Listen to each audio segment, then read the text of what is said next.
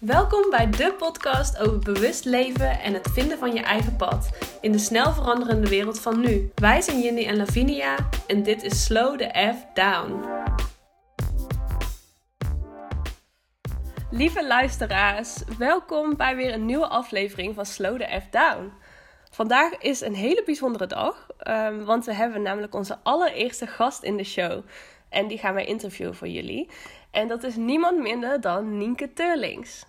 Um, zij is burn-out, stress en HSP-expert, healer, psycholoog en auteur van het boek Jong Burn-out. En op Instagram inspireert ze dagelijks mensen om bewuster te leven en meer van zichzelf te houden. En ja, ze is in korte tijd ook een van onze favoriete influencers geworden eigenlijk. Um, haar denkbeelden, visie en online content sluit het perfect aan bij het doel van onze podcast. En vandaar dat we dan ook super vereerd zijn dat zij te gast wil zijn in onze show. Welkom Nienke. Ah, dankjewel. En wat een mooie woorden allemaal, joh. ja. Nou, wel terecht, toch? Ja, ja nou, vinden wij heel leuk om te horen. Ja. ja. Ja. ik volg je nu een tijdje, sinds het begin van het jaar of zo. En um, ja, ik vind het gewoon super leuk om naar je stories te luisteren elke keer. En al jouw posts zijn zo, ja, gewoon super inspirerend. Dus. Mm -hmm. Ja. Nou, dankjewel. Ik doe mijn best. um, onze podcast heet natuurlijk Slow the F Down. En nu is aan jou de vraag, wat betekent langzamer leven voor jou? Oh, dat is een, nog steeds een dagelijks leerproces ook voor mij hoor. Dat moet ik eerlijk mhm. zeggen. Want ik ben wel iemand die ehm, heel erg houdt van uh, mooie projecten, creatief bezig zijn. Ik, ik denk niet dat ik echt een uitknop heb. En dat is natuurlijk heel gek uh, voor iemand die dit werk doet.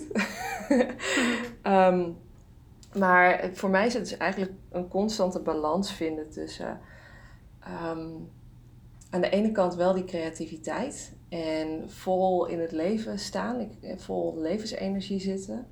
Um, en aan de andere kant goed voor mezelf zorgen daarin. Ja, ja ik geloof niet dat langzaam leven, in ieder geval voor mij, zoals ik in elkaar zit, is, is niet. Ik geloof niet dat dat zo werkt dat je dan um, ook heel langzaam en rustig alles in je leven moet doen. Maar je moet wel in de goede dingen investeren. Ja, mm -hmm. ja dus echt een balans houden. Ja. ja, en zorgen voor de basis. En um, ik heb gemerkt bij mezelf in mijn eigen leven hoe belangrijk dat is. Um, en wat er gebeurt als ik dat ook laat gaan, als ik het laat vallen, hoe snel ik dan eigenlijk achteruit rol op alle fronten. Dus mijn dagelijkse meditaties, mijn dagelijkse beweging, gezond eten. Uh, en ik hou echt wel van mijn chocolaatjes en zo. Maar, uh, uh, ja, maar als ik dat niet doe en um, en ik heb het tegelijkertijd druk met allerlei projecten en toffe dingen waar mijn hart sneller van gaat kloppen. Dan ga ik heel snel inleveren eigenlijk op, op alle gebieden. Dus ik moet voor die basis zorgen om mhm. creatief te blijven, om ehm, mijn werk te kunnen doen en daar vol in te kunnen gaan. Ja, precies. Ja, ja, dat, uh, dat snap ik inderdaad wel. Het gaat inderdaad echt om balans houden en je kunt niet voluit gaan als je inderdaad niet ook voor jezelf zorgt. Ja. Dus dat is wel heel mooi. Nou, ik denk dat het probleem vaak is dat we voluit gaan op dingen die niet echt ons hart hebben. En dat mm. mensen daarom denken: oké, dan moet ik een beetje extra vakantie of een beetje extra rust. en in die momenten laat ik dan weer op om die um, output te kunnen leveren voor wat de baas wil of voor wat er van me verwacht wordt. Mm. Um, maar dat, eigenlijk is dat heel raar als je geen energie krijgt van je studie of van je werk.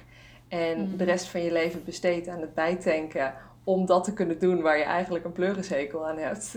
Ja, ja weet je, dan creëren we ook niks moois op deze aarde met elkaar. Dus um, ik zie voor mezelf heel erg dat, uh, ja, slow the fuck down, wat betekent dat? voor mij betekent dat eigenlijk gewoon bij mijn hart uitkomen. Ja, dus, dus genoeg rust nemen om te kunnen blijven luisteren naar dat hart. Wat wil dat hart? Welke studie of welk werk past daarbij? En dan daarnaast wel in de basis ook gewoon goed voor dat lijf en dat koppie zorgen. Mhm. Ja. ja. heel mooi. wat is het voor jullie dan? Ehm, ja, voor mij is het heel erg echt wel echt wat langzamer leven. Want ja, ik heb dan ook een burn-out gehad. Uh, ander, iets meer dan anderhalf jaar geleden nu. En ik was ook altijd van voluit, voluit, voluit. En uh, alles doen wat ik maar wilde. En dat lukte ook. Tot op zekere hoogte. Mm um, maar ik merkte toch dat ik mezelf veel te veel had uitgeput. En de lat veel te hoog. En ook al deed ik wel dingen die ik echt leuk vond, um, vroeg ik toch te veel van mezelf. En erkende ik mijn hooggevoeligheid ook niet. En dat ben ik nu allemaal wel gaan doen. Nu leef ik veel rustiger. En ja, voor nu ben ik daar echt wel blij mee. Omdat ik toch ook het gevoel heb dat ik nog steeds aan het herstellen ben. Mm -hmm. En ja, ik moet elke keer weer erbij terugkomen dat het heel veel tijd nodig heeft. Ja. Dus ja. ja, dat is, dat is heel herkenbaar. Ja, jullie weten waarschijnlijk ook dat ik op mijn 24ste zelf ook een burn-out heb gehad. Mm Daar, ik had daarvoor al psychologie gestudeerd, dus dat had ik al in mijn mhm. rugzak. Maar eigenlijk na die burn-out um, is het balletje gaan rollen en ben ik bezig gegaan met stressmanagement. En uh, me daar steeds verder in gaan specialiseren, waardoor ik nu doe wat ik nu doe. Mhm. Eh, maar wat jij beschrijft, met name die eerste twee jaar, dat echt heel erg nog. Het gaat, het gaat, maar je moet nog heel erg opletten met hoe besteed ik ieder uur. Mhm. Ja. Want als je dat doet uh, op een manier die niet goed voor je is, dan ga je zo weer onderuit. Ja. Dus ik herken dat wel. Het, is ook, het gaat ook in fases. Mm -hmm. Ja, dat heb ik echt heel erg moeten ondervinden. Dat, ik, dat het zo lang duurt. En um, het gaat wel echt al beter. En dat komt ook wel echt doordat ik echt heb gefocust op herstel. Meteen. En niet al. Ja, gewoon echt geprobeerd heb om niet te vroeg aan dingen te beginnen. Dus ik woon dan nu ook bij mijn moeder nog. Steeds. Weer terug. En, um, en ik, ik werk dus niet. Ik doe alleen dit podcast en wat andere kleine ja, creatieve projectjes die ik echt gewoon leuk vind. En, maar ik merk ook dat ik het gewoon echt nodig heb. Maar het is zo moeilijk om. Um, ja, ook te dealen met wat andere mensen ervan denken of zo, of de maatschappij. Mm. Ja. ja. Want wat denken andere mensen in de maatschappij? Nou, dat, dat is dus meestal niet zo dat ze het echt denken. maar, maar, ik, maar in mijn hoofd is het zo van... Oh, ze denken dat ik lui ben. Of ze denken van... Oh, jullie die doet niks. En weet je wel, zo. Hmm. ja, dat zijn, dat zijn de demons that we have to fight. Ja een, een burn-out of wat voor persoonlijke crisis dan ook, komt 9 van de 10 keer voort uit die patronen die je hebt aangeleerd, dit soort gedachten die ergens in jouw mhm. leven zijn ontstaan. Of door je opvoeding, of doordat je iets op school hebt meegemaakt. Um, een grote invloed in mijn leven was een ex-relatie die niet goed voor me was. Maar het kan ook zijn, en daarom besteed ik daar ook op mijn platform zoveel aandacht aan. Het kan ook zijn bijvoorbeeld de dingen die jij die je tot je neemt uh, in de vorm van series en muziek. En onze hersenen zijn zulke efficiënte leermachines eigenlijk.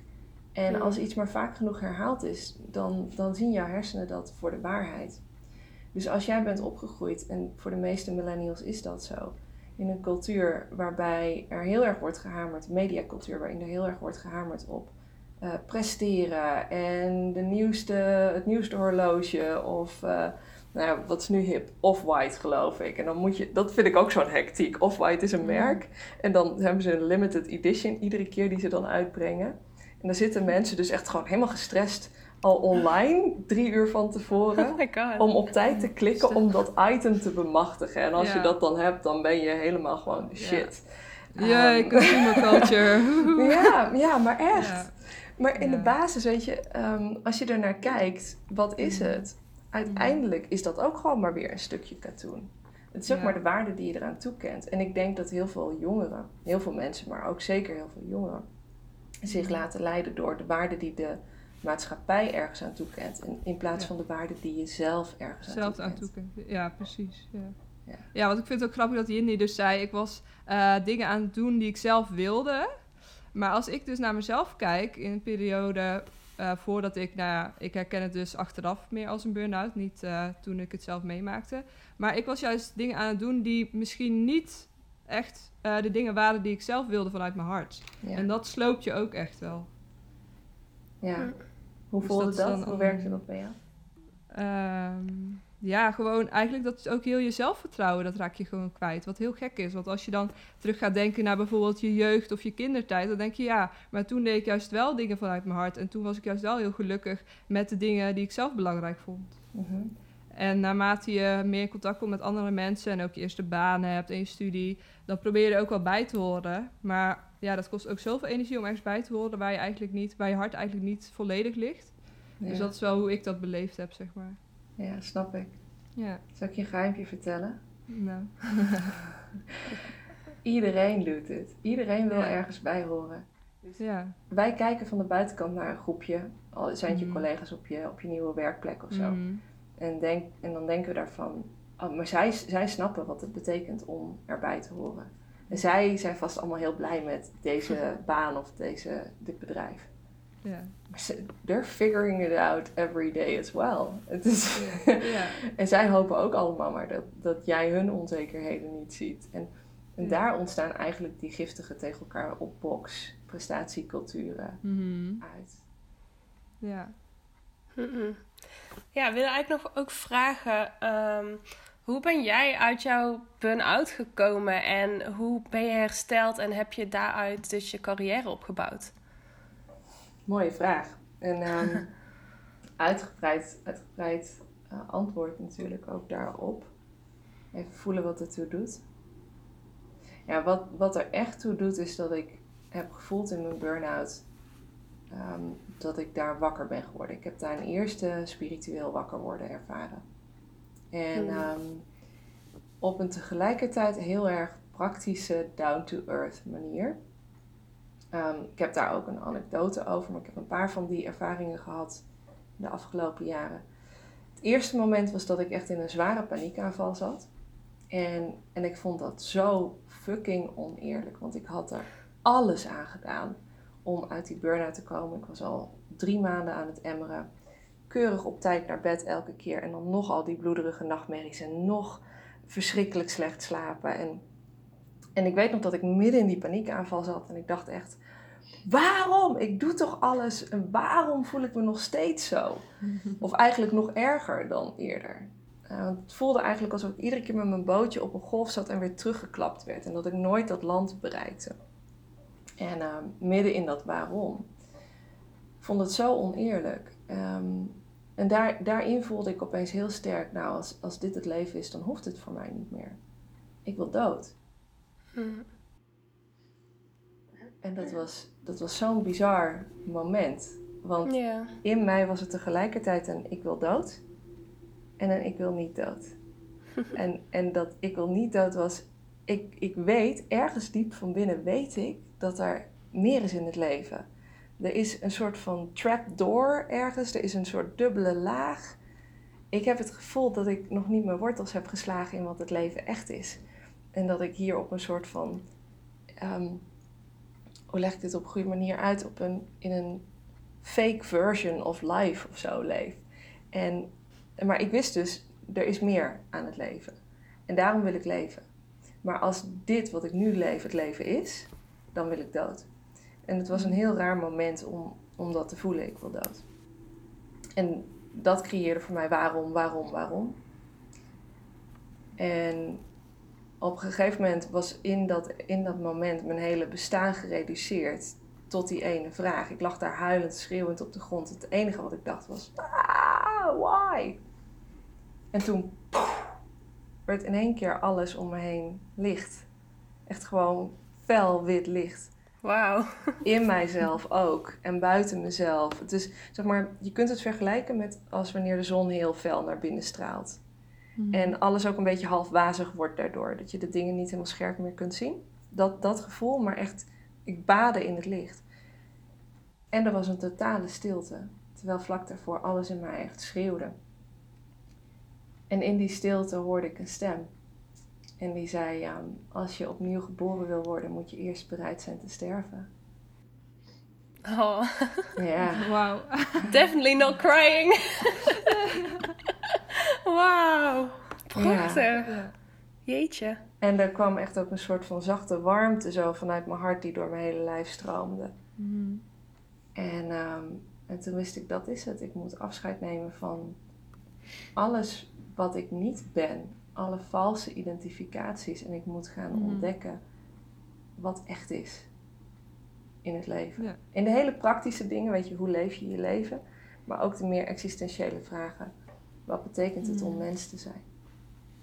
Als ik nou eens voorbij ga aan alles wat me ooit verteld en geleerd is. Alles wat ik voor waar heb aangenomen. En ik begin bij de gevoelservaring. Wie ben ik dan als mens? Wauw. En dat heb Ik ben ik, echt het stil gezet. En dat heb ik laten leiden. Ja. En ik, dat is het voornemen dat ik eigenlijk heb gehad. Alles wat me eh, daar met dat gevoel in contact brengt, met dat licht. En dat die warmte in mijn hart creëert. Dat is mijn kompas geworden. Dus Mhm. beslissingen zijn ook niet zo moeilijk meer. Hm. Ja. Ja, dat is echt heel mooi. ja. Dat je Want- echt naar je hart luistert, inderdaad. Zo En bijzonder. dat je dat ook ja. nog steeds kan doen. Ja. Dat je echt zo'n eh, zo'n heftig moment hebt gehad ook, waarop dat ineens zo helder werd. ja. Dat is echt heel cool. Ja, En- ik, ik kon echt ik kon niet anders. Nee, precies. Maar ik ben ook wel gered in dat moment. Ja. Ja, precies. ja, want het is echt best wel moeilijk om om te gaan met inderdaad die tegenslagen steeds. En ik herken het heel erg van dat ik het gevoel heb van ik doe zo mijn best. Ik doe alles en alles en alles om beter te worden, omdat het goed met me gaat, om voor mezelf te zorgen en alles precies goed te doen. En als, het dan, als er dan weer iets fout gaat, dan is dat zo frustrerend. En dan moet je elke keer weer opnieuw die moed vinden eh, om, toch, om het toch weer door te gaan. Definieer fout gaan eens. Ja, fout gaan. ja, ik weet niet. Verschillende dingen. Eh, gewoon dat er iets gebeurt. Ik weet wel dat alles een reden, of ik geloof wel dat alles een reden heeft en dat er altijd een les in alles zit.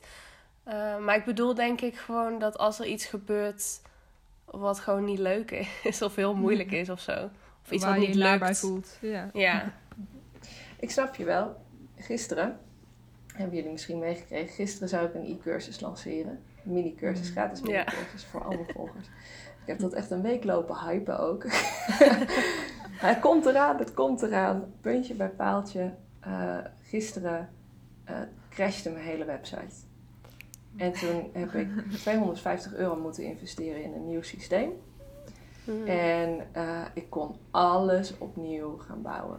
En Oh. ik, ik ben ook nog wel een beetje Pietje precies. Ik besteed veel dingen uit. Maar dit zijn toch dingen die ik nog steeds graag zelf doe. En op dat soort momenten is dat niet fijn. Vooral niet als je die dag ook nog jarig bent. En om half zes mensen verwacht. En, nou, dus, Oh. ja, dus ik snap je. Ik zat echt helemaal. Zo, Ja. zeg maar, onder hoogspanning achter mijn computer. En, ehm, eh, en geen make-up. Uiteindelijk ook maar geen make-up op mijn feestje. Niks. Oh. ja, nee, het was zo zielig was het niet. Uiteindelijk was het goed dat ik een feestje had. Want daardoor heb ik gewoon moeten zeggen tegen, ook tegen mijn volgers van... eh, volgers is trouwens een raar woord, maar de, ja, mijn lieve mensen met wie ik dagelijks in contact mag zijn. Ehm, maar daar heb ik tegen mogen, mogen zeggen van, eh, joh, het gaat me nog een dag langer kosten, sorry. Toen had ik dat feestje met ehm, zeven eh, vrienden, familie, van mijn dichtste vrienden en familie. En, ehm, en in dat samen eten, samen kletsen, kwam ik weer terug bij mij. En daardoor kon ik achteraf zien, hé, maar ik, ik ben niet mijn mini-cursus. Ik ben niet of het lukt of niet. Nee. Ja, precies. Ik, ik ben deze stilte, deze rust, deze, deze flow, dit genieten. En ik denk dat onze belangrijkste taakje op de aarde ook is om continu de dingen te doen die ervoor zorgen dat je daarin bent. Mhm. Ja. Ja, steeds weer terugkomen bij jezelf. Ja. Ja, en eigenlijk, en dit weet ik ook allemaal wel, maar dan vind ik toch dat dat af moet en dat het toch moet lukken en zo. Eigenlijk had ik gewoon om drie uur 's middags zo moeten roepen, jongens, het gaat me gewoon niet lukken. Mhm. Ik ga mijn make-up opdoen. Ik ga lekker in mijn hangstoel hier zitten en nog even een boekje lezen. Want het enige, en dat is echt na jaren, is dat mijn, mijn overtuiging geworden. Je weet niet wat voor een grotere systemen, als je in termen van energie wilt spreken, wat voor grotere systemen en stromen er aan het werk zijn. Soms willen dingen ook gewoon niet lukken, omdat het op dat moment niet voor jou het juiste is. Mhm. Omdat er even iets anders nodig is. Of omdat, weet ik veel, misschien zitten er wel van de 10.000 volgers, als ze allemaal mee zouden doen, zitten er wel 6.000 van, oh, ik zou eigenlijk willen dat ze op woensdag begon. Want dat Mhm. was, snap je? Ja, precies.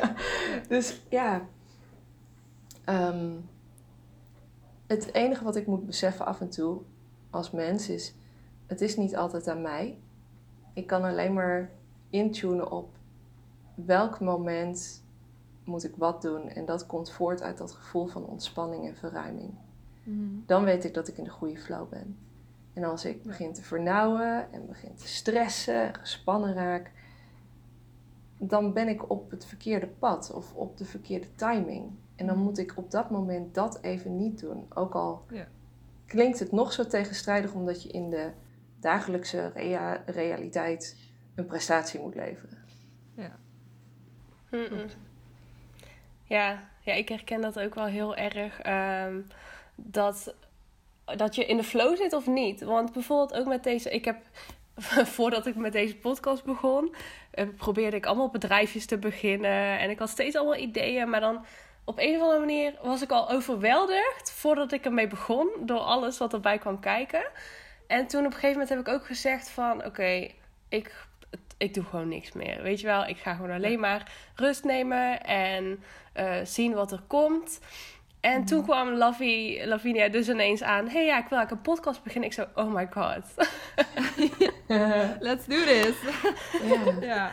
en toen ging het echt perfect. Het ging zo makkelijk. We Mhm. hebben allebei heel erg ons aandeel. En we, we doen... Ja, het loopt gewoon heel lekker eigenlijk om het Ja. te doen. Ja. ja, weet je, de universe heeft bigger plans met jou dan jij met je mensengeestje kunt overzien. Mhm. ja. Ja. Want jij bent een, een punt in, in de tijd en ruimte. Net zoals iedereen is dat. Prachtig boekje, Hallo meneer God met Anna. Een heel mooi boekje, echt. Ga dat, gaat het lezen. Dat meisje is dus wise beyond her years. Een heel jong meisje. Het is een echt gebeurd verhaal. En zij zegt dit op een gegeven moment ook, zeven jaar oud, van... Ieder mens is een uitkijktoren. En op die manier zeg maar, overzien we het universum als het ware, zo je wilt. Ieder mens heeft, eh, is een uitkijktoren. Iedereen kijkt een bepaalde richting uit. En samen hebben we het totale perspectief. Samen zijn we, zijn we de whole of consciousness. Ik geloof persoonlijk dat daar ook bijvoorbeeld, ik zit nu naar bomen te kijken, dat bomen de natuur daar ook deel van uitmaken. Ehm, maar dat, dat grotere, wat we met z'n allen zijn, de collective consciousness, het universum, dat overziet wat er in het grotere geheel moet gebeuren. En jouw plek is nu bij een podcast. Dus dan, Mhm. dan kan het universum, eh, het, sorry, kan het universum het niet hebben dat jij ehm, twintig andere dingen opstart. Dat was niet de plan. En dus, Nee. dus raak je gestrest en dus wil het niet lukken. En dus, want dat is niet, dat is niet waar jouw flow zit.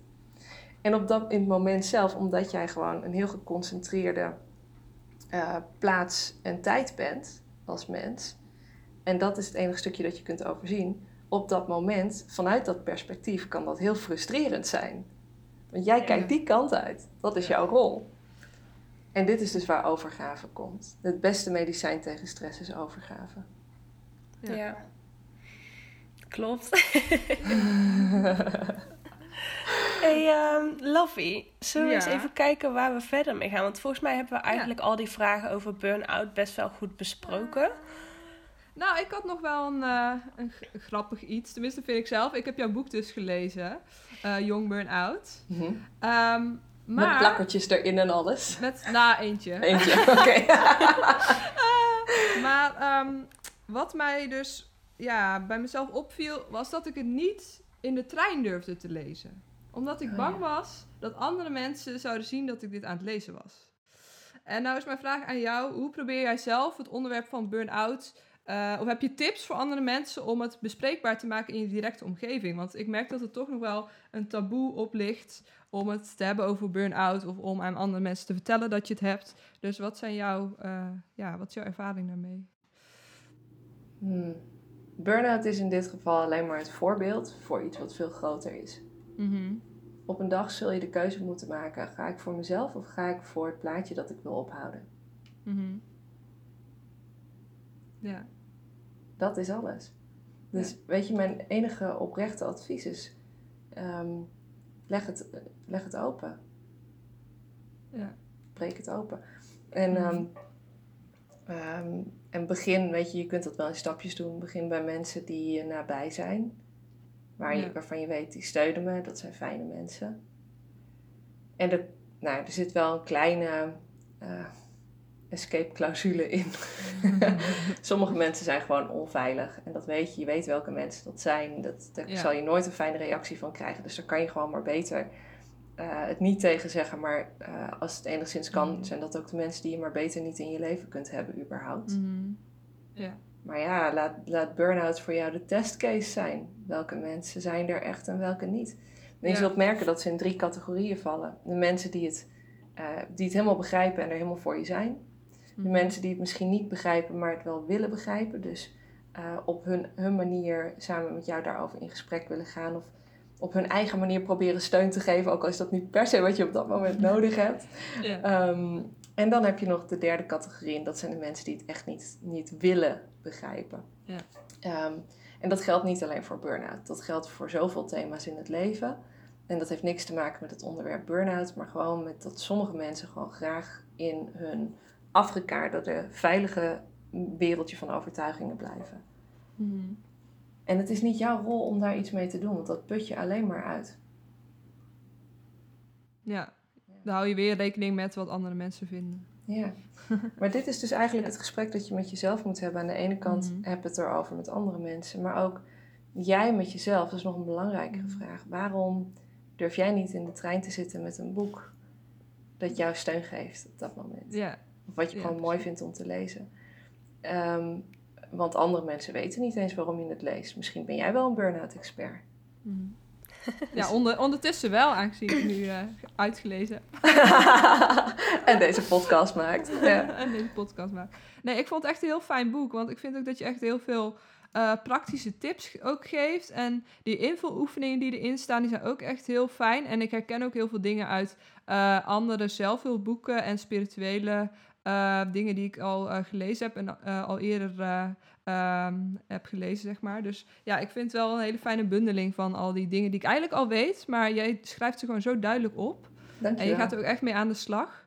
Dus tenminste, als je het leest, ga je er als lezer mee aan de slag, ook door die oefeningen. Dus ik vind het echt wel echt een aanrader voor mensen die of een burn-out hebben, of in ieder geval eh, ermee aan de slag willen als ze last hebben van stress. Of hun eh, leven willen veranderen en inderdaad meer balans willen krijgen in hun leven. Dus ik vind het zeker een aanrader. Dankjewel. Tof om te horen. Ja. Ja. Het mooie was met het schrijven van dat boek, Mhm. ehm, dat terwijl ik het schreef, moest ik alle lessen zelf opnieuw leren, zo leek het wel. ja.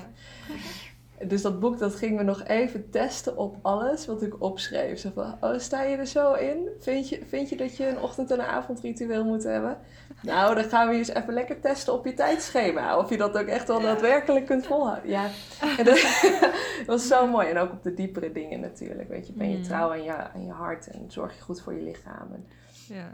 al die dingen. Maar ik geloof, en dat is eigenlijk is het een cadeau, want daardoor ben ik dus gaan inzien en gaan geloven dat ehm, als je dat pad waar we het net over hadden van flow en van je eigen Mhm. hart volgen gaat, Mhm. gaat bewandelen, ehm, dat merk je ook doordat je zelf de lessen tegenkomt die je graag aan een ander wilt leren.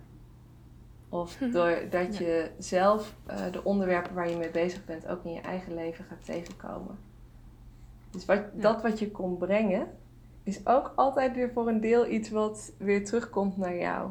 Eigenlijk, Ja. ik, nu ik het zeg, denk ik, het komt echt zo bam binnen. Ehm, dat geldt eigenlijk altijd. Dit, dit is een, een law of the universe. Dat wat je brengt, dat komt ook weer terug naar jou. Dus als je met de verkeerde dingen bezig bent, dan krijg je dat ook weer terug als een soort van negatieve energie en stress. Mhm. En als je met de goede dingen bezig bent, dan krijg je dat bijvoorbeeld weer terug in de vorm van eh, ontspanning of juist in de vorm van uh, zelfontwikkelingscadeautjes. Dat ik ook weer even moet leren van uh, als, ik, als ik jong burn-out aan het schrijven ben. Uh, dat ik ook weer even die ochtend- en avondrituelen moet gaan inrichten en ja. volhouden. En, ja. ja, je eigen lessen opvolgen dus. Ja, mm -hmm. precies. Practice what you preach. ja. ja. inderdaad. Practice what you preach. Weet je wat ik wel daarover wil vragen? Uh, want ik hou me ook heel veel bezig met spiritualiteit en heel veel zelfhulp, zelfhulpboeken. En dus wat jij net zei is eigenlijk ook een beetje de law of attraction, toch? Ja. En um, wat ik soms wel lastig vind, is dat je dus dan ook weer niet te streng uh, moet worden voor jezelf. Van, oh, ik voel me niet, even niet goed. Of, oh, ik uh, denk negatief. Dat is niet goed, want dadelijk komen er negatieve dingen naar me toe. En dat je dus inderdaad dan heel juist weer streng wordt voor jezelf. Nou ja, ik snap je. Ja, dat is, dat is niet hoe het werkt. Nee. De law of attraction um, heeft een, heeft een um, belangrijkere wet eigenlijk nog daaronder liggen. En dat is de law of abundance. Wet van de overvloed. Waarom is die wet van de aantrekkingskracht er? Omdat de bedoeling is dat wij als nou ja, menselijke wezens, maar nogmaals, weet je, dat, dat collectieve bewustzijn dat we met z'n allen zijn, samen met de mensen en de natuur en alles, dat we uh, in overvloed leven. En um, haal even hier het plaatje van wat overvloed betekent voor jezelf vanaf. En zie het meer op het niveau van het universum. Het universum um, is altijd aan het uitbreiden. It's ever expanding. Dat is gewoon de, de basiswet van wat het universum doet, zeg maar. In de spirituele zin, maar ook in de letterlijke zin. Dus wetenschappers weten bijvoorbeeld nu dat um, iets wat wij ons niet kunnen voorstellen, er is geen eind aan het universum. Want het universum, dat is de meest recente aanname, het universum is continu aan het uitbreiden. Hmm. Dus de bedoeling is dat wij in, in overvloed leven. Wat betekent overvloed? Um, dat betekent misschien niet die grote prestatie of heel veel geld, hoewel je al die dingen kunt krijgen als je het doet vanuit de juiste plaats. En dat is waar het om gaat. Het gaat om de juiste plaats vinden in jezelf. Het is een frequentie, het is een energie die overvloedt. Mm Snap je? En die wet van de aantrekkingskracht um, is eigenlijk meer een soort van het kompas, de graadmeter. Van ben jij in de richting van overvloed aan het gaan of ben je in de richting van um, schaarste aan het gaan met jezelf? En die schaarste die ervaar je doordat je in de stress raakt, doordat je in paniek raakt, doordat dingen niet willen lukken. Um, en dat is eigenlijk een soort van een. Dat is geen afstraffing. Snap je? Dus als jij iets negatiefs denkt of als jij niet lekker in je vel zit, dan, dan hoef je niet bang te zijn dat daar nog tien keer meer die les overheen komt. Als je maar op dat moment erkent van, oh wacht even, ik zit niet lekker in mijn vel, hoe komt dat? Oh ja, ik praat eigenlijk wel heel onvriendelijk naar mezelf. Mhm. Wat zit daaronder? Oh ja, dat is een patroon. Dat heb ik al sinds mijn vierde. Want toen, uh, weet ik veel, ik moet even iets verzinnen. Toen mocht ik een keertje niet meespelen met een, met een groepje. En dat is wat er nu getriggerd is geraakt. En um, dan kan je terug naar dat live event. En dan weet je dus, oh, dat komt daar vandaan. Dan kan je het loslaten. En dan ben je automatisch weer in die plek van zachtheid en ruimte. En vanuit daar kun je weer nieuwe dingen creëren. Mhm. Want we kunnen niet hebben dat, dat dat. En in zoverre dus de wet van de aantrekkingskracht, want je wordt aangetrokken tot dat wat op dit moment belangrijk is in jou. We kunnen niet hebben dat iemand, uh, ik noem maar wat, uh, wetten gaat maken of projecten gaat ontwikkelen op basis van zijn of haar um, wonden uit, uit zijn of haar jeugd. Ja. Want dan doet die persoon dat niet. Nou ja, kijk naar bepaalde wereldleiders op, de, op dit moment. Ik wou net zeggen, heel veel mensen doen dit dus wel. Ja, nou goed, er, zijn, er zit ook... Van, uh... er zit ook wel weer een mooie kant aan. Dan kan ik het ook, kan, ja, als jullie dat interessant vinden en jullie überhaupt daar naartoe willen in dit gesprek. Maar daar kan ik ook nog wel wat over zeggen, want dat is ook niet zo zwart-wit als dat we het graag zien. Um, maar, um, zeg maar als je vanuit die plaats komt En heel veel mensen doen dat inderdaad. Als je vanuit die plaats komt, dan doe je dat niet omdat je iets aan het creëren bent vanuit jouw gift. Dat unieke uitkijktorentje dat jij bent. Jij komt een uniek perspectief brengen. Dat is jouw gift voor deze wereld. Uh, als je daar totaal onbelemmerd in bent, dan kun je dat gewoon stralen. Maar we krijgen allemaal levenslessen op ons pad en allemaal dingen die we nog mogen opruimen. En dat is eigenlijk allemaal om te leren dat we dus onze dingen niet vanuit ego moeten brengen. Als je vanuit mm ego dingen brengt, dan doe je het voor jezelf. Dan doe je het voor kleine ikken. En niet voor het grote geheel. Ja. ja. Is dat ook dan, uh, dat vind ik wel een mooie uitspraak, dat je, um, um, of daar moet ik nu aan denken, dat je altijd moet vragen van uh, wat kan ik geven in plaats van wat kan ik nemen. Of wat kan ik eruit krijgen en in plaats daarvan denken van wat kan ik bijdragen of zo. Ja. Ja, en in die vraag moet je ook jezelf niet vergeten. Nee, dus niet maar blijven geven, geven, geven. Ja, niet ten koste van jezelf. Nee, precies. Het is belangrijk om jezelf in, uh, vanuit die overvloed te beseffen, er is genoeg voor iedereen. Hmm. Dat is echt zo. Dingen zijn misschien niet gelijk verdeeld. Mhm, maar er is genoeg voor iedereen. Er is geloof ik ooit uitgerekend dat als bijvoorbeeld al het geld gelijk verdeeld zou zijn, dat iedereen miljonair zou zijn. Ja, dat ken ik ja. ja. ja. ja daar ben ik ook voor dat dat gaat gebeuren. Ja. ja, maar waarom is dat niet zo? Kijk, als, je, als we nu kijken naar de. En dan komen we dus op bijvoorbeeld die wereldleiders en zo, hè, en hun rol in het geheel. Ehm, we hebben het nu gehad over het niveau van het individu. Maar wat nou als we de mens als collectief ook even als één individu zien? Waarin we in ons collectief bewustzijn ook nog bepaalde beperkingen en belemmeringen mogen opruimen. Mhm. Die er op dit moment voor zorgen dat dingen ongelijk verdeeld zijn. We doen dit dan met onszelf, dus natuurlijk doen we dat op grote schaal. En die wereldleiders zijn gewoon simpelweg de personificatie van die schaduw. In zekere zin moeten we ze dankbaar zijn want het is nu wel aan de oppervlakte. Al die dingen die we nu zien, waar we ons druk over maken, die waren er al lang. Mhm. Alleen waren ze onzichtbaar. En nu komt het naar boven, net zoals in je individuele bewustzijn dat kan gebeuren. Gebeurt dat nou in het collectief bewustzijn?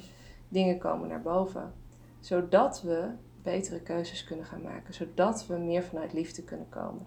En nu is de uitdaging dat uh, dat we het ook als zodanig gaan zien. En dat niet een, een andere groep weer vanuit een soort van slachtofferschap getriggerd raakt. Van jij doet al die slechte dingen.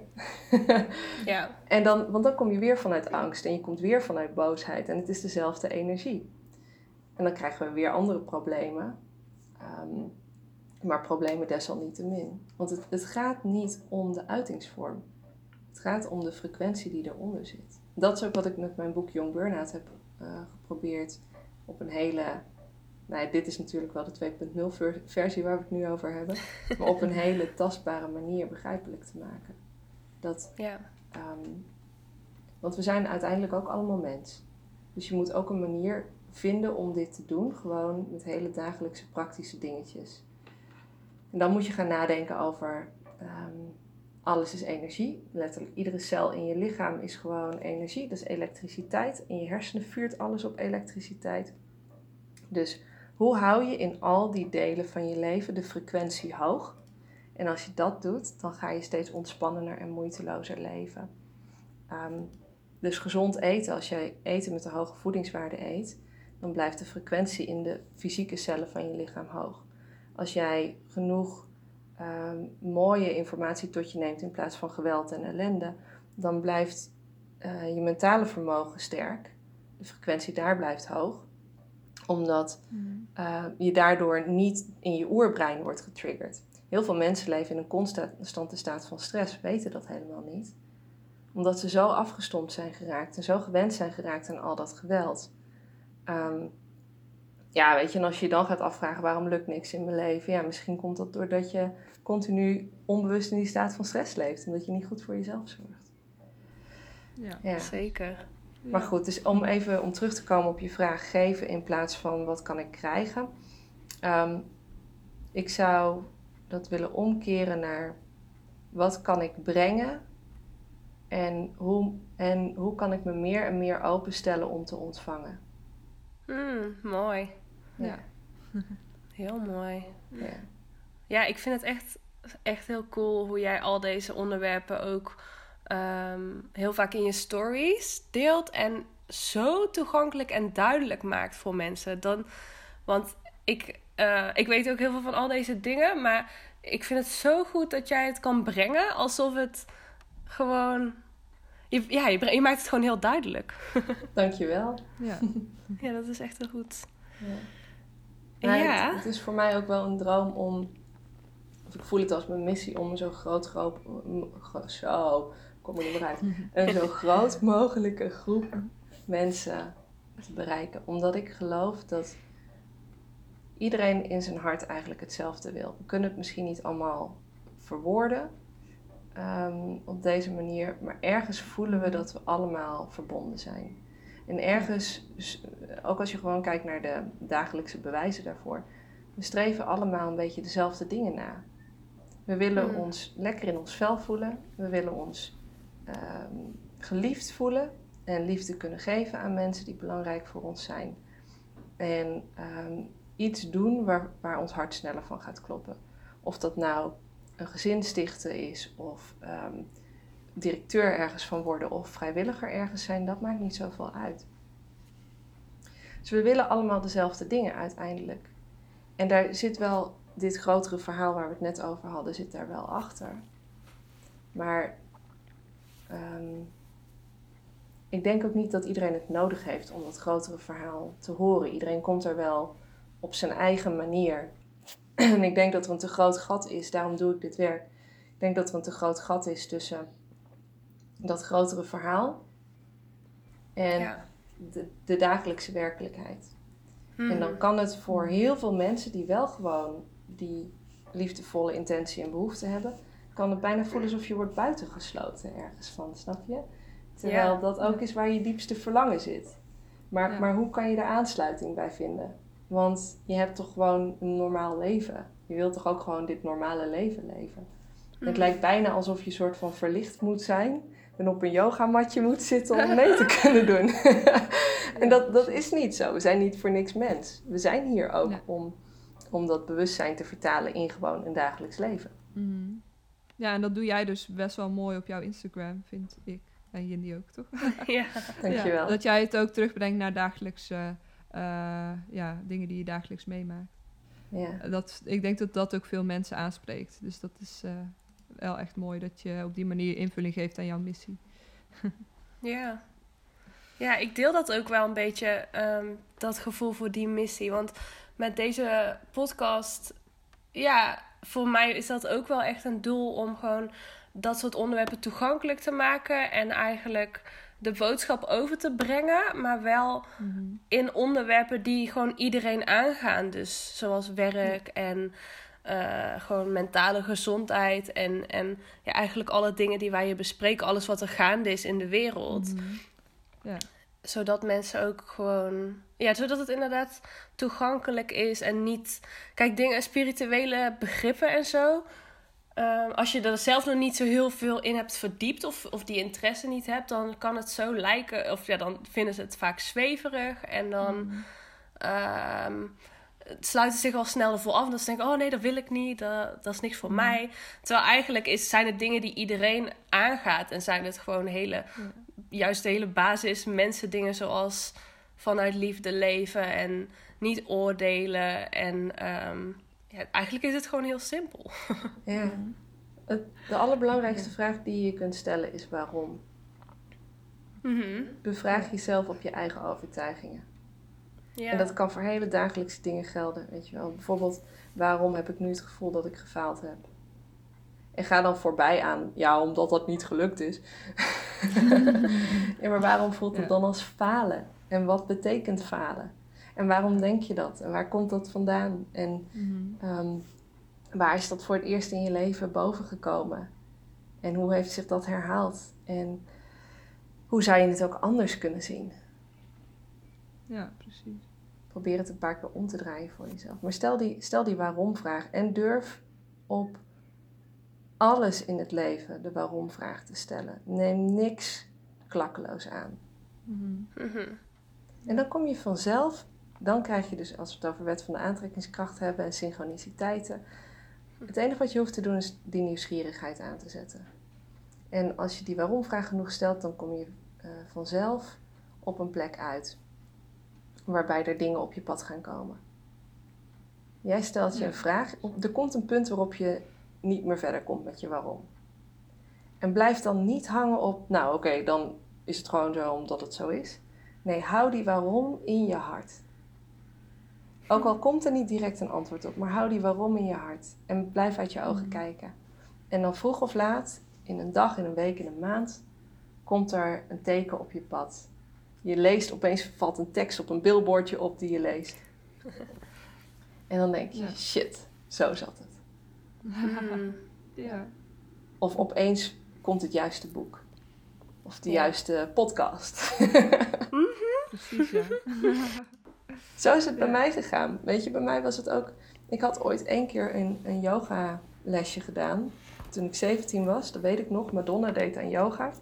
En die deed het eigenlijk als een soort van gymnastiek. Maar die had daar een dieper bewustzijn voor zichzelf ingevonden. Nou, dat moet ik ook. Ik kwam... Um, was niet de relatie waar ik het aan het begin van de podcast over had. Um, was een andere relatie. Ik was 17. En ik had uh, een relatie met een jongen die... Um, nou ja, weet je, de klassieke bad boy, zeg maar. Uh, zes keer aan en uit en alles was fout aan die jongen. En um, niks ten nadele van hem. Dat was ook gewoon de levensfase waar we in zaten.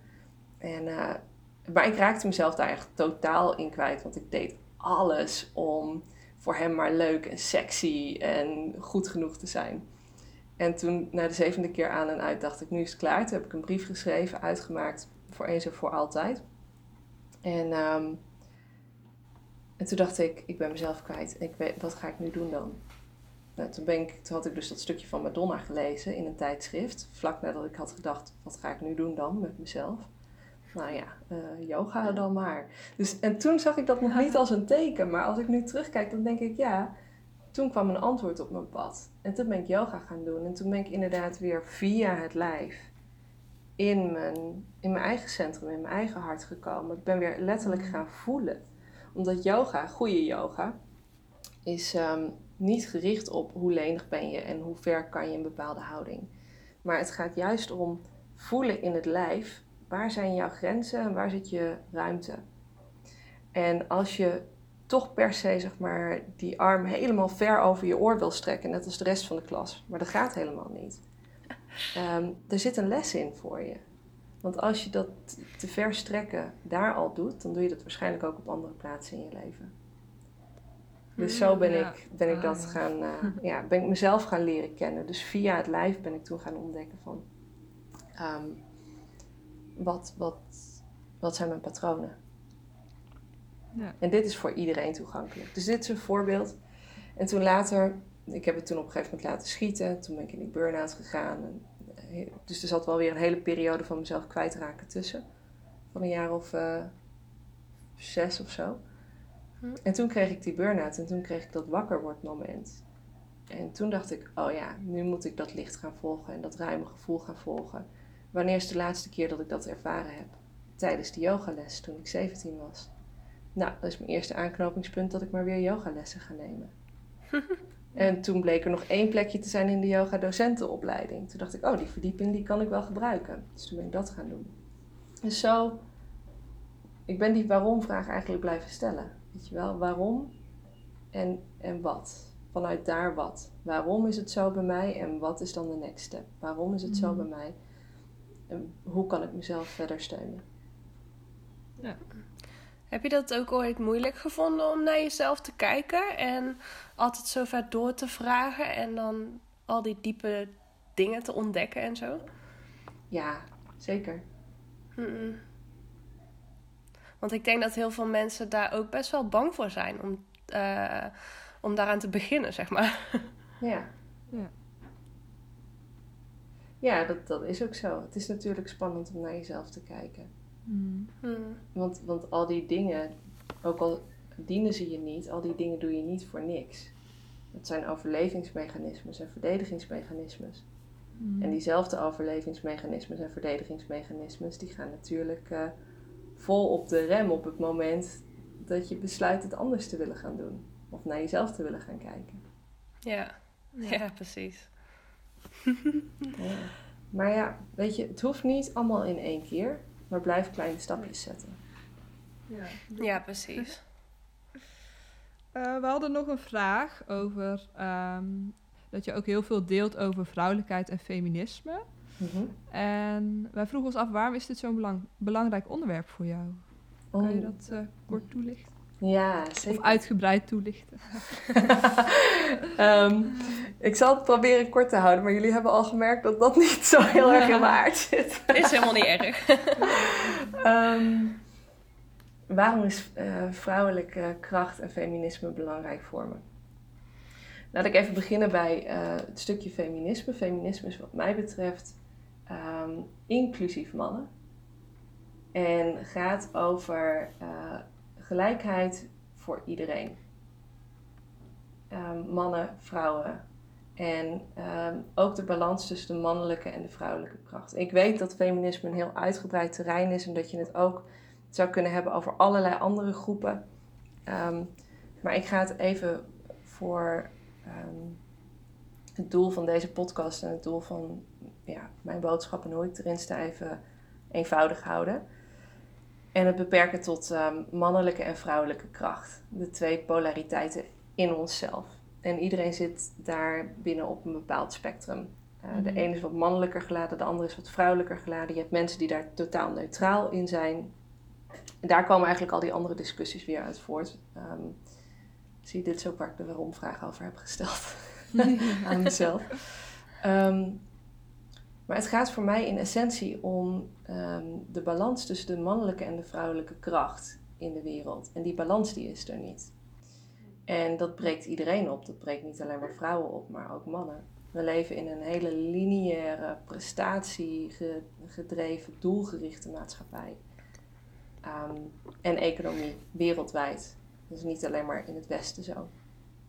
Ehm, er zijn culturen waarin de vrouwelijke kracht wat meer ruimte heeft. Dan hebben we het over dingen als intuïtie, ehm, circulair. We zijn zelf ook cyclische wezens natuurlijk. En iedere maand, maar ook door ons leven heen. Ehm, en om allerlei redenen zijn, eh, zijn we afgesneden geraakt van die vrouwelijke kracht als maatschappij.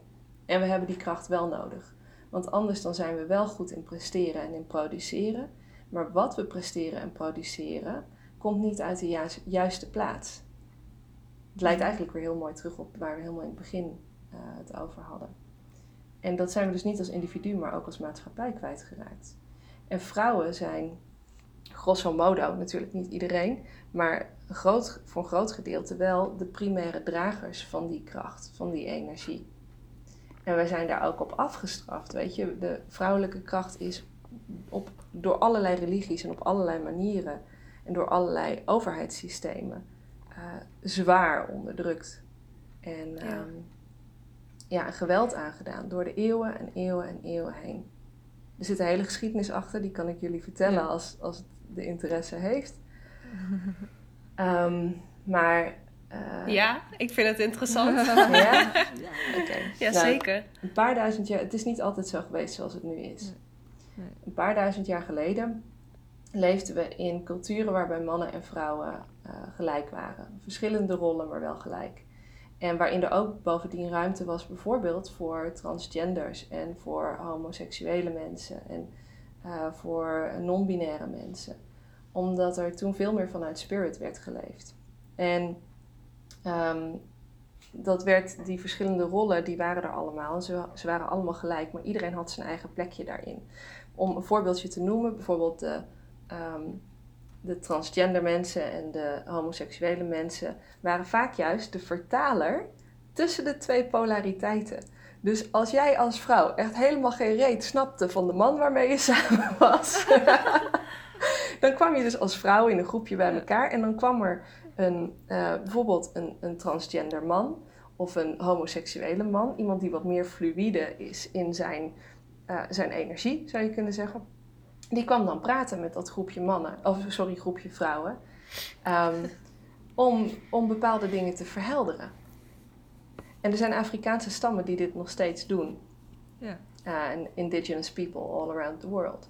Ehm, Hmm. We weten ook van de Indianen bijvoorbeeld in Amerika dat, ehm, dat die ook heel veel ruimte hadden voor verschillende genderidentificaties. Ehm, maar goed, 6000 jaar geleden leefden we in niet gewelddadige maatschappijen. Ehm, er zijn nauwelijks wapens gevonden uit die tijd. Het enige wat er is gevonden als aan wapens, waren niet echt wapens, maar meer dingen waarmee je eten kon snijden en zo. En Mhm. wel heel veel kunst. De meest prachtig beschilderde ehm, borden, servies, van alles. Ehm, op een gegeven moment is er een invasie geweest uit, een, eh, dat waren de Eurasiërs, van hele gewelddadige, een beetje, hoe zeg je dat, meer soort van guerrilla groepen. Het waren nog niet, het waren nog niet echt eh, empires, maar die hebben ze wel gesticht. En omdat die Mhm. andere maatschappijen natuurlijk niet echt in staat waren zichzelf te verdedigen, want het waren hele vredelievende volkeren, ehm, was dat vrij snel gebeurd. En dat is ehm, dus 6000 jaar geleden, dat is het begin geweest van het verschuiven van die energie. Want dat waren ehm patrilineaire maatschappijen, eh, waarbij de, de mannen het allemaal voor het zeggen hadden. Die vonden de vrouwen ook, nou ja, eigenlijk alles waar, wat nu in het nieuws is, die zagen het nut van vrouwen ook niet zo, behalve het baren van kinderen. Ja. En, eh, en het koken van eten. En, want het waren, het waren militaire volkeren. Hmm. Dus die zagen alleen maar waarde in vechten. En alles wat niet sterk genoeg is om te vechten, is dan waardeloos. Dus Ja. er zijn heel veel, eh, nou, een groot deel van de vrouwelijke kracht is daarin onderdrukt geraakt. En er zijn allerlei systemen weer uit, uit voortgegroeid. Ehm, en, eh, en daarmee is die oude, zijn die oude religies en oude ehm, maatschappelijke waarden onderdrukt geraakt. En dat zie je bijvoorbeeld zelfs in de, in de kerk of in andere ik wil niet één geloof eruit pakken, maar je ziet het in het christelijk geloof zie je het terug. Je ziet het in, ehm, in de islam zie je het terug. Maar er zijn heel veel verschillende religies die het vrouwelijke hebben onderdrukt. Ehm, bijvoorbeeld in de Bijbel heb je maar een paar, paar vrouwen. Toch? Je hebt, nou, de Mhm. bekendste twee zijn de twee Maria's natuurlijk. Ja. Ehm, maar de oorspronkelijke Bijbeltekst, Sophia is de wijsheid. De oorspronkelijke Bijbeltekst ehm, had het wel degelijk over de mannelijke kracht en de vrouwelijke kracht. Alleen hebben ze daar een, ja, zijn ze dat steeds meer gaan wegpoetsen eigenlijk. Omdat mannen de macht wilden hebben en dus moesten die teksten daar ook naartoe Ja. leiden. Ja, dat is Ik hoop dat het een duidelijk verhaal is, want het is een. Ja.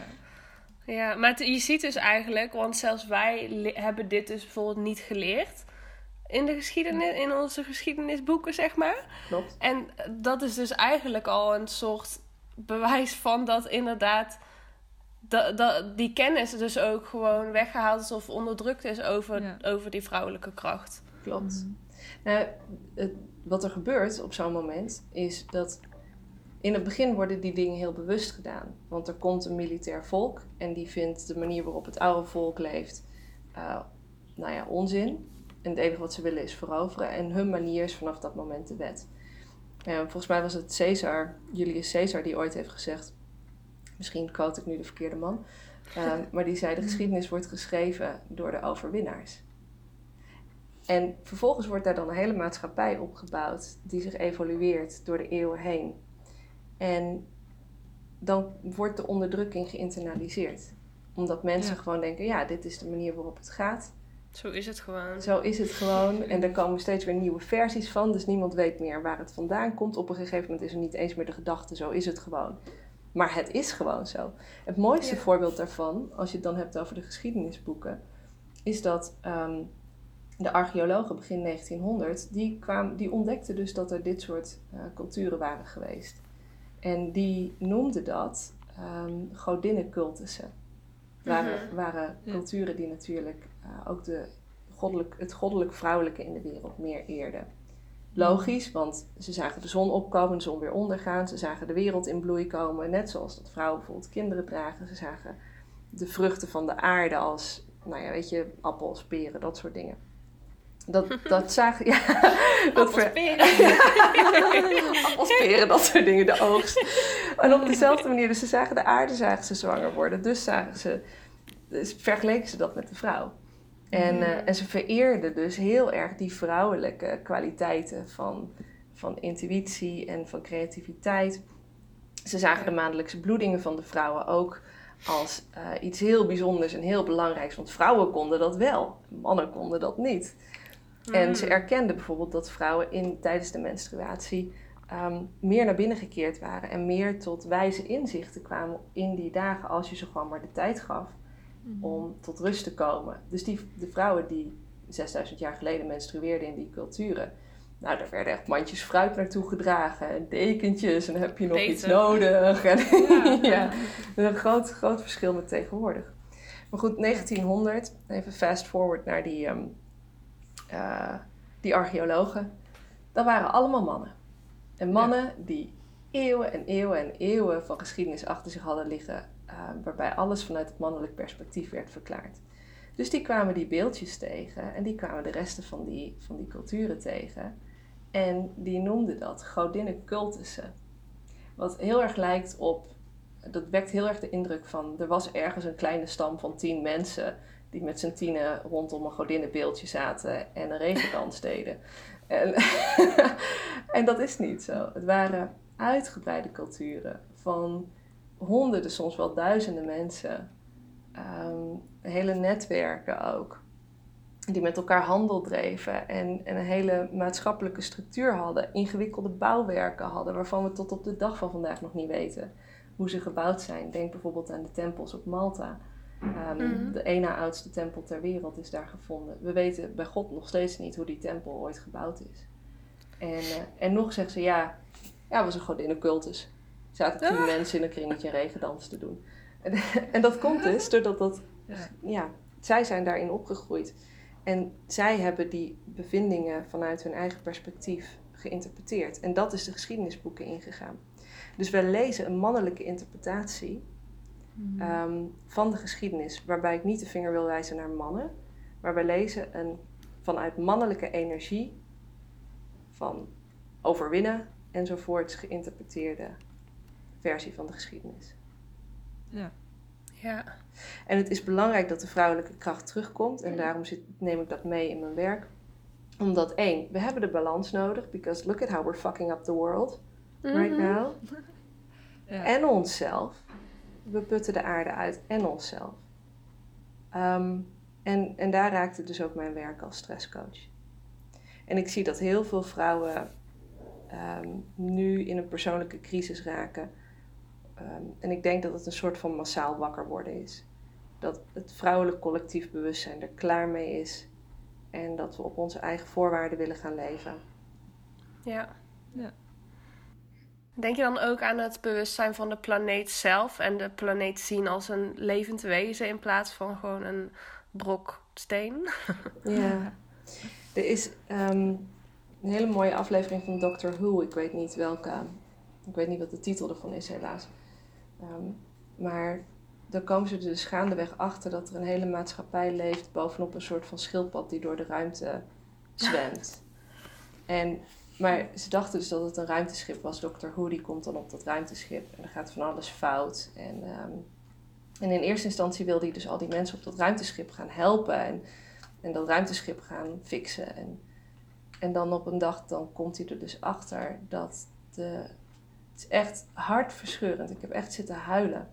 Dat ze uh, een soort van cilinders in dat beest hebben gestoken voor ah. energiebron. En, en dat dat dat het dus allemaal niet meer gaat, omdat dat, dat dier is in pijn. En, um, mm. en dan uiteindelijk dan krijgt ze dus zover dat ze, dat, dat ze hem bevrijden of dat ze een, um, een gezondere symbiose met dat, met dat dier aangaan. Um, en ik denk dat we de aarde ook zo mogen zien. Ja. En we zijn niet los van de aarde. We mm. zijn één en hetzelfde bewustzijn.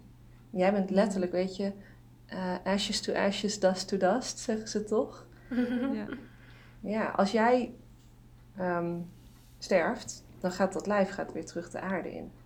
Of je nou gecremeerd of begraven wordt. Mm -hmm. um, dus jouw fysieke lijf gaat in ieder geval terug de aarde in. Dus zelfs als je totaal niet gelooft in bewustzijn en spiritualiteit en weet ik veel wat. Zelfs als je zegt ik ben mijn lijf en verder niks. dan ben je connected to the earth. Ja, inderdaad. En jij blijft functioneren doordat je water drinkt van de aarde, doordat je eet van de aarde of wat erop leeft. Dus we zijn allemaal connected. We zijn op het fysieke niveau zijn we connected met elkaar. En op het.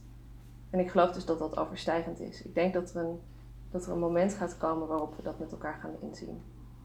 Dat we een bewustzijn met elkaar gaan bereiken. En waarbij we zien dat dit niet alleen op het fysieke level speelt. Maar dat we al die tijd, en dan gaan er wat tranen gelaten worden, denk ik. Maar dat we al die tijd één en hetzelfde waren. Ja. Dus de, de crisis die mensen op hun individuele niveau ervaren, die ervaren we ook op grote schaal. Ja. Zeker, ja. Mm, ja, hele mooie inzichten allemaal. Ja, Het gaat wel diep, hè? ja het Ja. heel diep. Mhm. Maar Was ja, dat ook ja. wat jullie voor ogen hadden? Of zijn er ook nog gewoon, zeg maar, oppervlakkige dingen waar jullie het over willen hebben? Onze, onze vragen waren echt een stuk oppervlakkiger, maar ik ben heel Ja, blij dat het deze kant op is gegaan. Want het is voor mij ook wel heel erg mijn ding. Dus ja, ik Mhm. vind het superleuk. Ik vind Ja. het ook heel leuk, die nieuwe inzichten. Ja.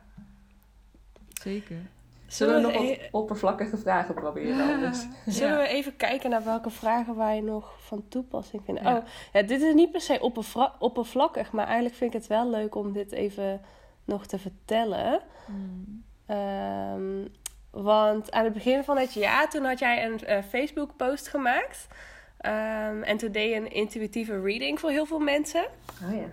En toen heb, je, heb, je, heb ik dat ook gedaan. Toen heb je mij ook een woord gegeven voor 2019. En dat was vrijheid. En dat was echt het meest perfecte woord wat het maar kon. Dat ja, kon niet beter kloppen gewoon. Dus dat vond ik heel erg leuk. En ja, sindsdien ben ik je toen ook gaan volgen. En, ehm, maar je schreef toen ook van ehm, dat je het nog best wel moeilijk, of dat je het nog wel eng vond om te delen, die kant van jezelf, omdat je ook bang was om eh, veroordeeld te worden. En ja, ik vraag eigenlijk af hoe je dat, eh, hoe je dat nu ziet. En vind je, vind je het soms nog steeds eng om, om dat soort dingen te delen? Oh, wauw! Eh, allereerst wat, wat tof dat het, eh, dat het woord zo'n ehm, weerklank heeft gehad in je leven. Wil je daar nog wat over delen? Dan zal ik zo vertellen hoe ik erin Ehm, sta. ja, ik was al, ik, nou ja, sinds mijn burn-out en sinds ik daarvoor heb gekozen om. Ik heb eigenlijk voor gekozen om, om vrij te zijn en dan maar met weinig of tot geen geld en bij mijn moeder te wonen. Maar ik wilde die vrijheid om elke dag te kunnen beslissen wat ik doe met mijn dag. Want dat is eigenlijk wat mij het meest blij maakt. En dus dat woord was gewoon ja, helemaal precies goed. Deze ja. plaats waarvandaan je nu komt, gaat je waanzinnig veel opleveren. Dank je. Ja, op, Ja. op heel veel gebieden. En ehm, Ja. just let it unfold. Het is net als een bloem die open gaat. Dat kan je ook niet dwingen. Hmm. Dat gebeurt vanzelf, blaadje voor blaadje. Ja. Het is dus grappig, want ik heb dus in... Het is nu ook halverwege het jaar ongeveer. Dus ik krijg nu van... eh, niet iedereen natuurlijk, want het waren 800 mensen uiteindelijk. Ja, echt heel veel. Oh, wauw. Ehm, maar ehm, ik krijg eh, nu langzaam af en toe van mensen te horen van... Oh, weet je nog dat je me dat woord had gegeven? En dit was mijn woord en dat is uitgekomen. En dat is er van, eh, van terechtgekomen. Het heeft deze uitwerking gehad. Dus dat was heel leuk. Ehm, en ook wel mensen die destijds direct zeiden van... Wow, je slaat echt de spijker op zijn kop. Soms kwamen er echt hele boodschappen door. Soms kwam er, gewoon een woord door. Maar ja, er waren één of twee of drie mensen waarbij er echt gewoon... En dan is, is het mijn deel ook om op dat moment in overgave te zijn. En gewoon te denken, oké, ik zet mijn vingers op dat toetsenbord. En ik kijk wel wat er komt en ik laat het los. Mm. Ehm, even denken. Hoe sta ik daar nu in? Ik, ik sta er wel makkelijker in.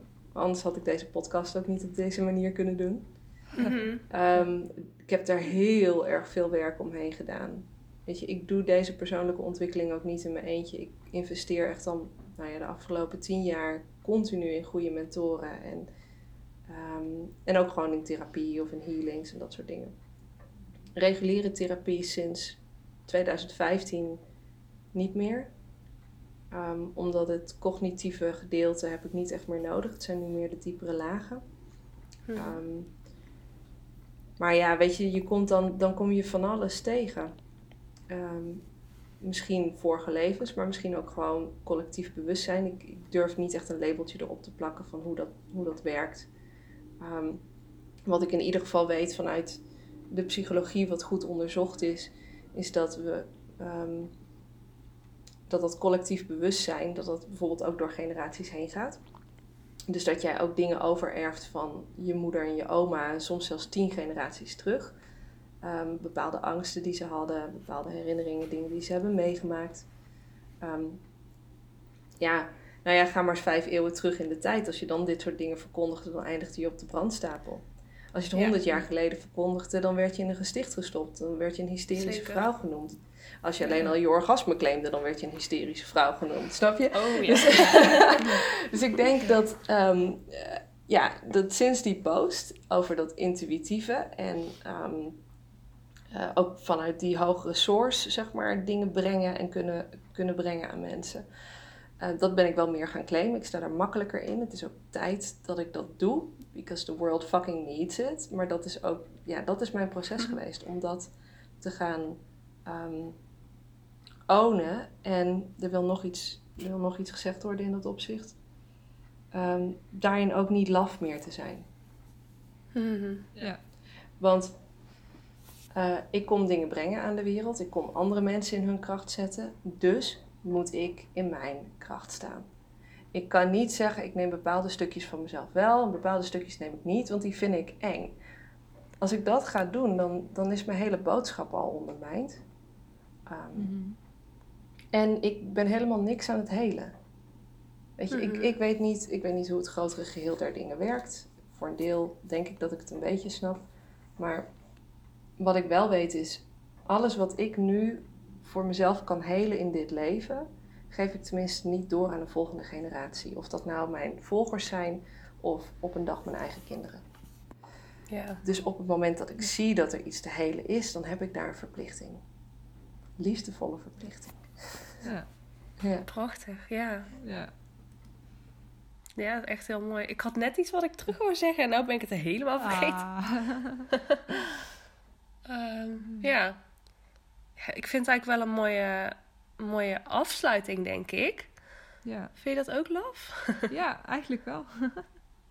en um, ja, wil jij onze gebruikelijke inspiratie-ding even introduceren? oh ja, inderdaad. uh, iedere aflevering hebben wij een vaste inspiratierubriek. En normaal doen we dat met z'n tweeën, maar nu ben jij onze gast. Dus eigenlijk willen we aan jou vragen: wie of wat uh, inspireert jou op dit moment? Oeh! Mag iets zijn van de afgelopen week of iets in het algemeen? Of iemand die je al langer volgt? Of wat dan ook. Of wat dan ook. Mm. En wat je graag wilt delen. Ehm, twee dingen. In algemene zin, iedere vrouw die haar ruimte durft te claimen, stukje bij beetje, hoeft echt niet gigantisch, maar uh, elke vrouw die, die dapper die stapjes durft te blijven zetten voor zichzelf. Ja. Dus jullie ook. Ja. en um, een inspirerende dame die ik laatst zag was, uh, was Lucia Rijker. Ik was um, Dream School aan het kijken. Ik weet dat daar discussie over is geweest en zo. Maar ik vind haar gewoon wel echt een bijzondere vrouw. Omdat ze, ze is en heel krachtig en heel kwetsbaar. Um, dus dat, dat vind ik een goed voorbeeld van die, die energie. En she fully owns her story. Weet je, ze weet wat ze heeft meegemaakt. Ze weet waar haar um, uh, leerpunten zitten misschien. En als ze er eentje tegenkomt waar ze nog niet van op de hoogte was, dan durft ze dat ook in, in de ogen te kijken. En ze ondersteunt andere mensen op hun pad. En dat, ja, dus dat vind ik een heel, hele mooie combi. Ik denk dat wij vrouwen allemaal elkaar kunnen steunen, allemaal op onze eigen manier. Daar hoef je echt niet een soort van Oprah voor te zijn of perfect voor te zijn. Trouwens, zelf Oprah leeft dit ook. Die is ook continu aan het leren. Dus het gaat juist om dat, dat stukje. Ja. Ja, Mooi. En? Twee dingen zei het, of waren dat twee dingen? Ja, dat waren de twee. Dus zeg maar alle vrouwen die dat zo, die dat Ja. zo Ja. leven. En, ehm, eh, en een recent voorbeeld daarvan was Lucia Rijker. Oké. Ah, heel mooi. Ja, ja, en- Dankjewel. Ja, Graag gedaan. Ik vond het heel erg Ja. leuk. ja, en eh, tot slot wilden we eigenlijk nog eh, vragen ehm, hoe jouw toekomst eruit ziet. Heb je nog eh, leuke plannen in het vooruitzicht? Eh, nou, mijn recente, of mijn, mijn nabije toekomst eh, ziet er zo uit dat ik over twee weken lekker met mijn lief naar Parijs ga. Nice. dus dat is heel lekker. Ja, voor mijn Ja. verjaardag nog. En ehm, zeg maar de grotere visie voor de toekomst. Ik wil een centrum voor eh, vrouw zijn, vrouwelijke energie opzetten. En het vrouwen in ieder mogelijk opzicht faciliteren om hun beste leven te leven. En alles wat ik daarin onderweg tegenkom, wat daarin nodig is, eh, daarvan hoop ik dat ik dat eh, op een authentieke en ontspannen manier mag oppakken. Wauw. nou, top. Super. Daar kijken we naar uit. ja.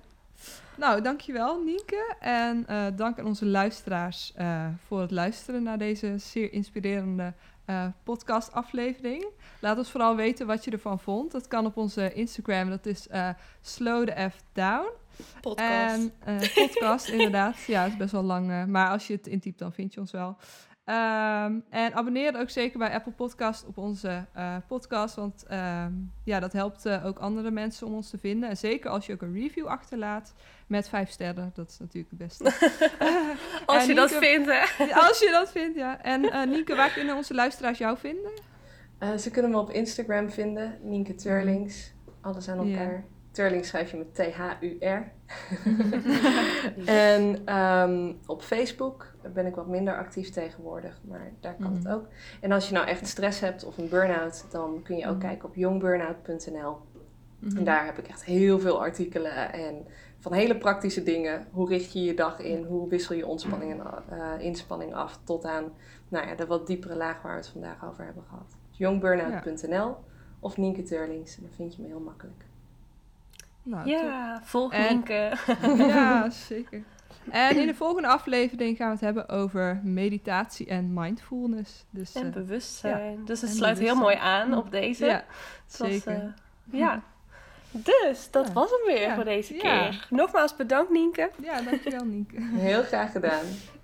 Oké, en we, we zien... Ik wil weer zeggen dat we onze luisteraars zien. Ik zeg altijd, we zien jullie in de volgende. Maar dat is helemaal niet. dus jullie horen ons wel. Oké. Doei.